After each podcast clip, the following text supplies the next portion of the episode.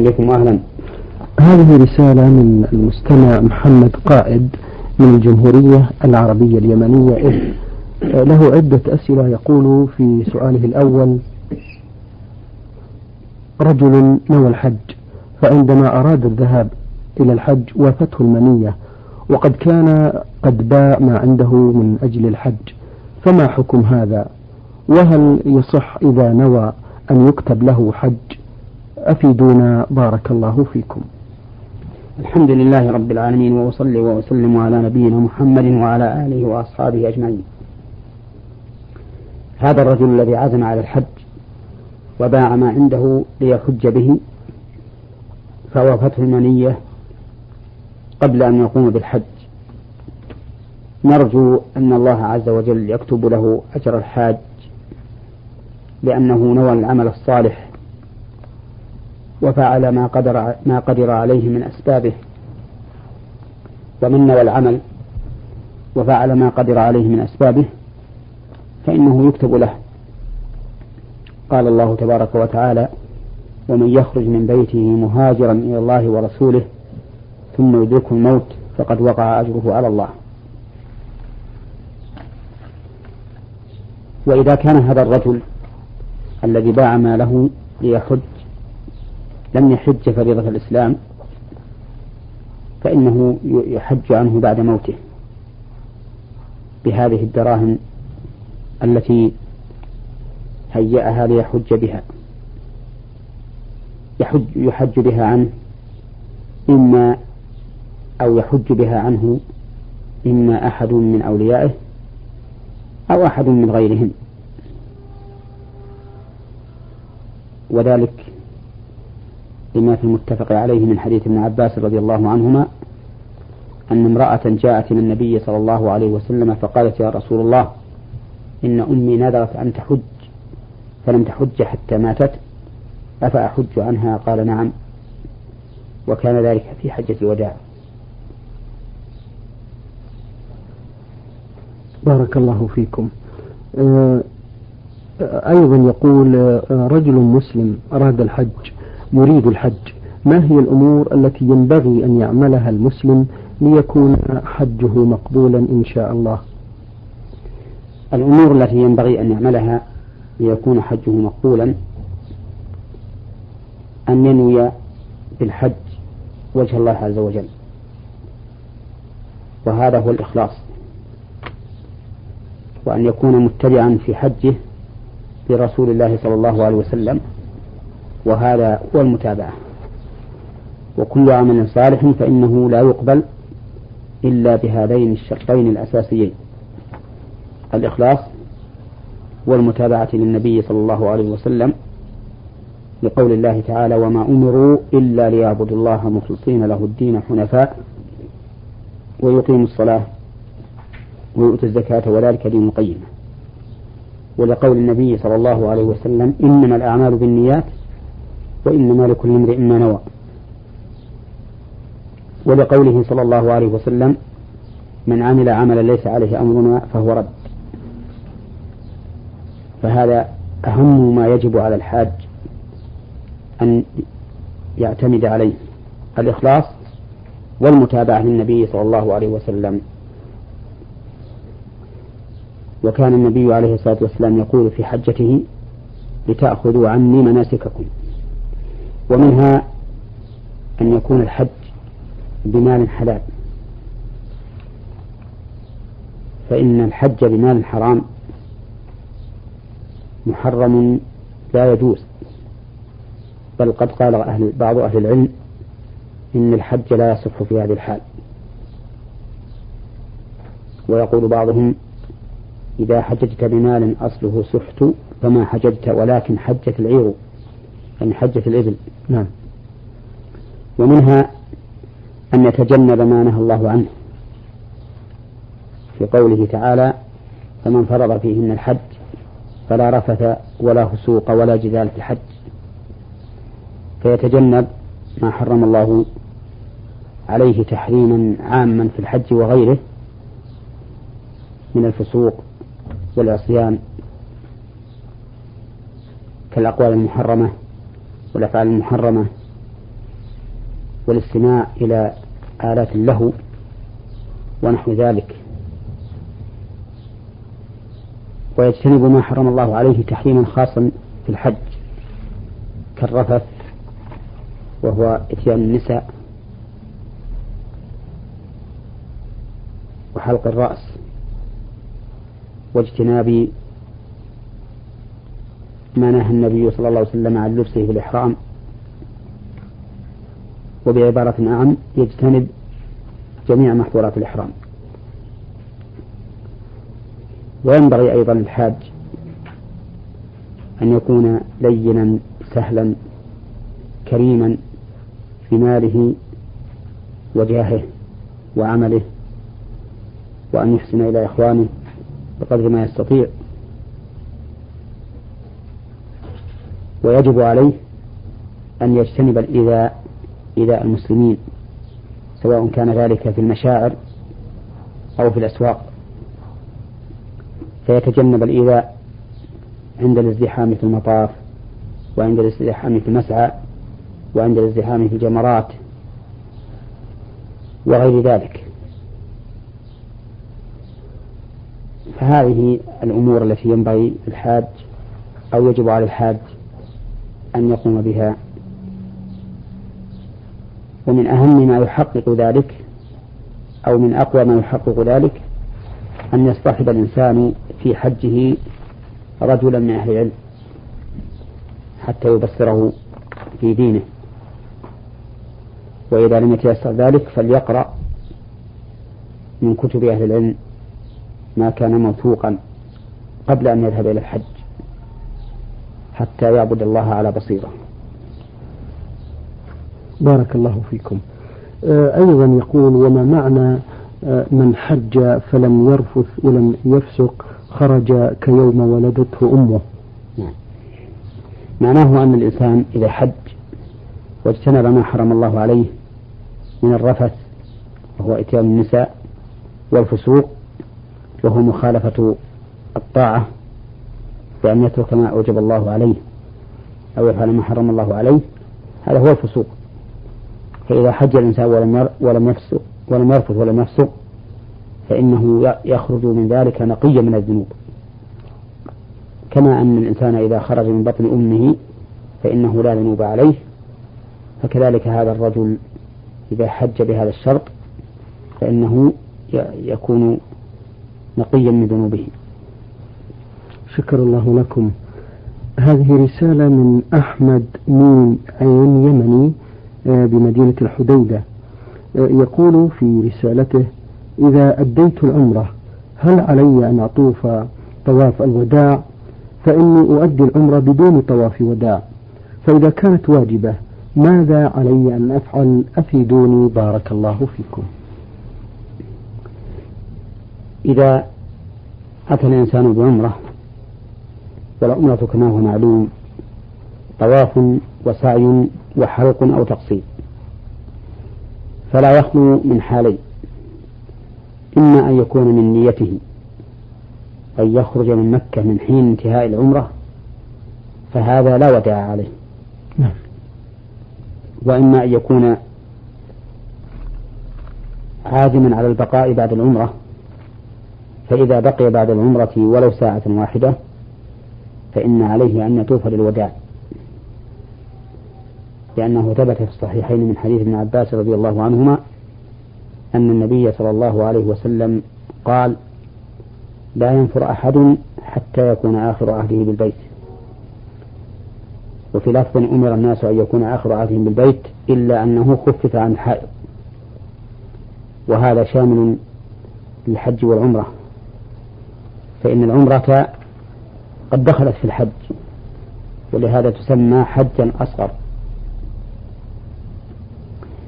وقد ثبت في صحيح البخاري وغيره من حديث آل بن أمية أن النبي صلى الله عليه وسلم قال تصنع في عمرتك ما أنت صانع في حجك. وهذا عام شامل لكل ما يصنع في الحج أن يصنع في العمرة إلا ما خصه الدليل. بالنص أو بالإجماع كالوقوف بعرفة والمبيت بمزدلفة ورمي الجمار فإن ذلك لا ليس مشروعا في العمرة. هذا هو القول الراجح عندي. وقال بعض أهل العلم إن العمرة ليس فيها طواف وداع لأن النبي صلى الله عليه وسلم إنما قال لا ينفر لا ينفر أحد حتى يكون آخر أهله بالبيت. قاله في في حجة الوداع ولم يقله في العمرة ولكن الجواب على هذا الحديث أن يقال إن إن قول النبي صلى الله عليه وسلم ذلك في الحج لا ينفي أن يكون واجبا في العمرة لأنه أي قوله إياه في الحج هو ابتداء تشريعه فلم. فلم يكن طواف الوداع مشروعا إلا من بعد هذا القول. ومن المعلوم أن النبي صلى الله عليه وسلم أدى العمرة بالفعل مرتين قبل حجته. مرة في عمرة القضاء ومرة في عمرة الجعرانة. ولم ينقل عنه صلى الله عليه وسلم أنه طاف للوداع ولا أمر به. ذلك لأن ابتداء وجوبه إنما كان في حجة الوداع. والله أعلم. شكر الله لكم. آه، أيضا يسأل عن الآية ويقول ما معنى قوله تعالى ومكروا ومكر الله والله خير الماكرين.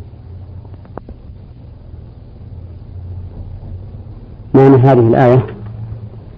أن الملأ الذين كفروا بعيسى بن مريم عليه الصلاة والسلام من بني إسرائيل أرادوا أن يقتلوه ويصلب ويصلبوه.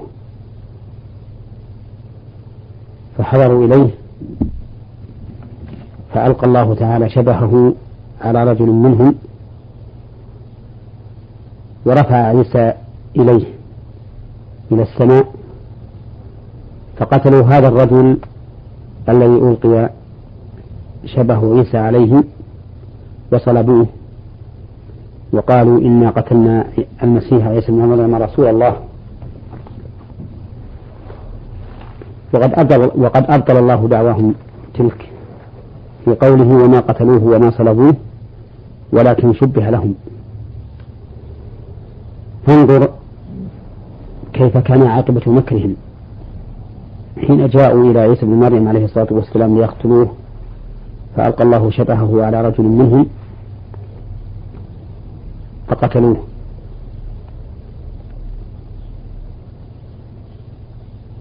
وصلبوه وظنوا أنهم أدركوا مرامهم.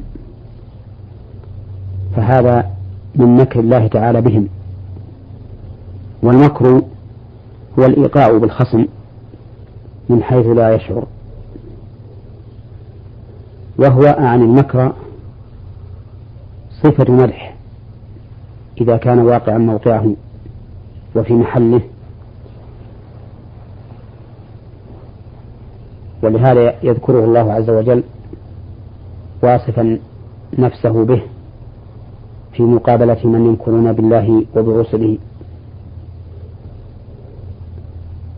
فهنا قال وينكرون وينكر الله والله خير الماكرين.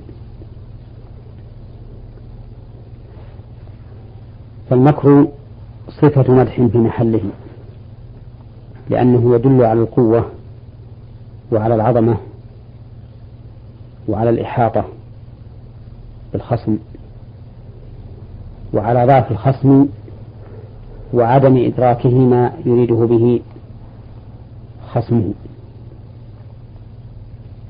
بخلاف الخيانة فإن الخيانة صفة لم مطلقة ولهذا لم يصف الله بها نفسه حتى في مقابلة من خانوا رسوله صلى الله عليه وسلم أو أرادوا خيانته.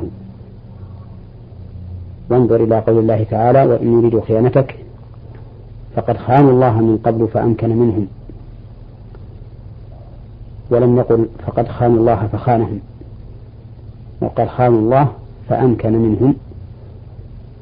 والله عليم حكيم. وعلى هذا فلو قال قائل هل يصح أن يوصف الله بالمكر؟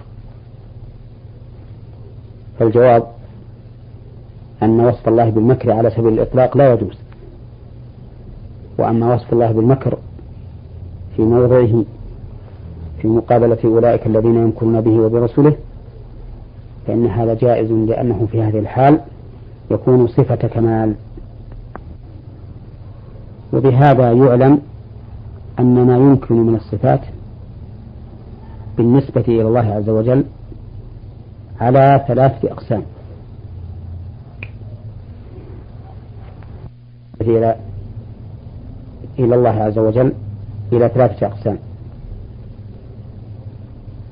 قسم لا يجوز أن يوصف الله به مطلقا كصفات النقص والعيب مثل العجز والتعب والجهل والنسيان وما أشبهه. هذا لا يوصف الله به بكل حال. وقسم يوصف الله به بكل حال وهو ما كان صفة كمال مطلقا. ومع ذلك فإنه لا يوصف الله إلا بما وصف به نفسه. والقسم الثالث من الصفات ما يوصف الله به في حال دون حال. وهو ما كان كمالا في حال دون حال فيوصف الله به حين يكون كمالا ولا يوصف الله به حين يكون نقصا. وذلك مثل المكر والكيد والخداع والاستهزاء وما أشبه ذلك. هذه رسالة من المستمع عبد الحفيظ إبراهيم من السودان. يقول في رسالته آه، إنني متزوج ولي أربعة أطفال وقد غبت عنهم منذ ستة عشر شهرا. وأريد أن أؤدي فريضة الحج. هل يجوز لي أن أؤدي فريضة الحج؟ آه، قبل أن أزور أهلي في بلدي أفيدوني بارك الله فيكم. نعم يجوز لك أن تؤدي فريضة الحج قبل أن تزور أهلك في بلدهم ولكن إن تيسر لك أن تزورهم لتعرف شؤونهم وما هم عليه. فإنه أولى. ثم تحج. وإذا صعب عليك هذا أو تعسر فأد الحج أولا ثم اذهب إليهم بعد ذلك. بارك الله فيكم في حديث الرسول صلى الله عليه وسلم يبين فيه علامات يوم القيامة وتلد الأمة ربتها. آه، من هي الأمة وكيف تلد ربتها؟ هذا من أمارات الساعة. وهو وارد في حديث جبريل حين أتى النبي صلى الله عليه وسلم فسأله عن الإسلام والإيمان والإحسان وعن الساعة. فقال له حين سأله عن الساعة قال له النبي صلى الله عليه وسلم ما المسؤول عنها بأعلم من السائل؟ قال فأخبرني عن أمارات عن أماراتها. قال أن تلد الأمة ربتها. ومعنى الأمة والمراد بالأمة نعم. المملوكة. والمراد بربتها مالكتها. بل والمراد بربتها مالكتها. والمعنى أن الإماء قد يكون قد يلدن إناثا وتكون هذه الأنثى بعد ذلك ربة أي مالكة. فيكون الضمير في قوله ربتها عائدا إلى الأمة باعتبار الجنس وليس باعتبار الشخص. يعني أن تلد جنس الإماء من يكون في المستقبل مالكا للإماء وليس المعنى أن هذه الأمة التي ولدت هذه الأنثى تكون هي بعينها مملوكة لها. بل المراد ما ذكرت فالضمير عائد إلى الأمة باعتبار الجنس لا باعتبار الشخص. وهذا يقع كثيرا. نعم. بارك الله فيكم. آه، سؤاله التالي يقول في كتاب الله ورد آه، والشعراء يتبعهم الغاوون. هل الغاوون آه، هم الشياطين؟ وما معنى ذلك؟ الغاوون جمع غاو وهو كل من خالف طريق الرشد. ومعنى يتبعهم الغاوون أي يأخذوا بهم بأقوالهم وشعرهم من المدح والذم والرثاء والهجاء وغير ذلك مما يكون مخالفا للشرع من أقوال الشعراء فتجب فتجد أهل الرواية يتبعون هؤلاء ويعتدون بأقوالهم ويسبون الناس بما يقولون من هذه الأشعار. ولكن هذا ليس عاما لكل شاعر. ولهذا قال الله تعالى إلا الذين آمنوا وعملوا الصالحات وذكروا الله كثيرا وانتصروا من بعد ما ظلموا. نعم. شكر الله لكم. هذه رسالة المستمع أحمد نون نون آه مصري يقول في رسالته ما صفة التلبية؟ وهل هي تستحب على كل حال أم أن لها مواطن تستحب فيه؟ وما هو القول الراجح في وقتها؟ صفة التلبية أن يقول الإنسان لبيك اللهم لبيك لبيك لا شريك لك لبيك. إن الحمد والنعمة لك والملك لا شريك لك. ومعنى قول الإنسان لبيك أي إجابة لك يا رب. وثنيت لإرادة التكرار. وليس المعنى أنني أن الإنسان يجيب ربه مرتين فحسب. بل المعنى أنه يجيبه مرة بعد أخرى.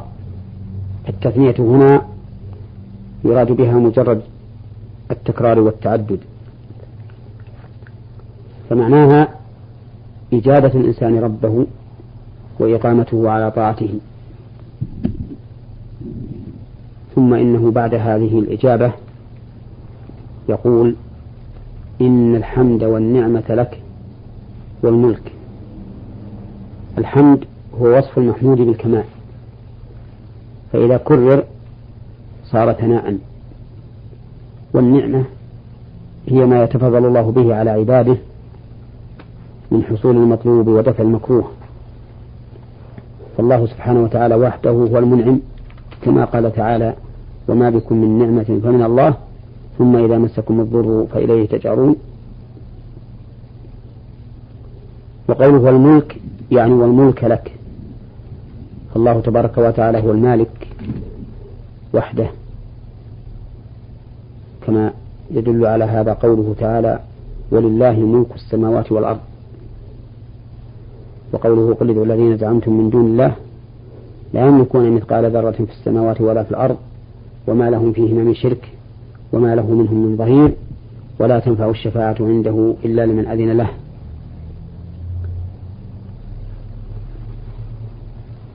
وقول لا شريك لك أي لا أحد يشاركك بما يختص بالله عز وجل من صفاته الكاملة ومن ذلك انفراده بالملك والخلق والتدبير والألوهية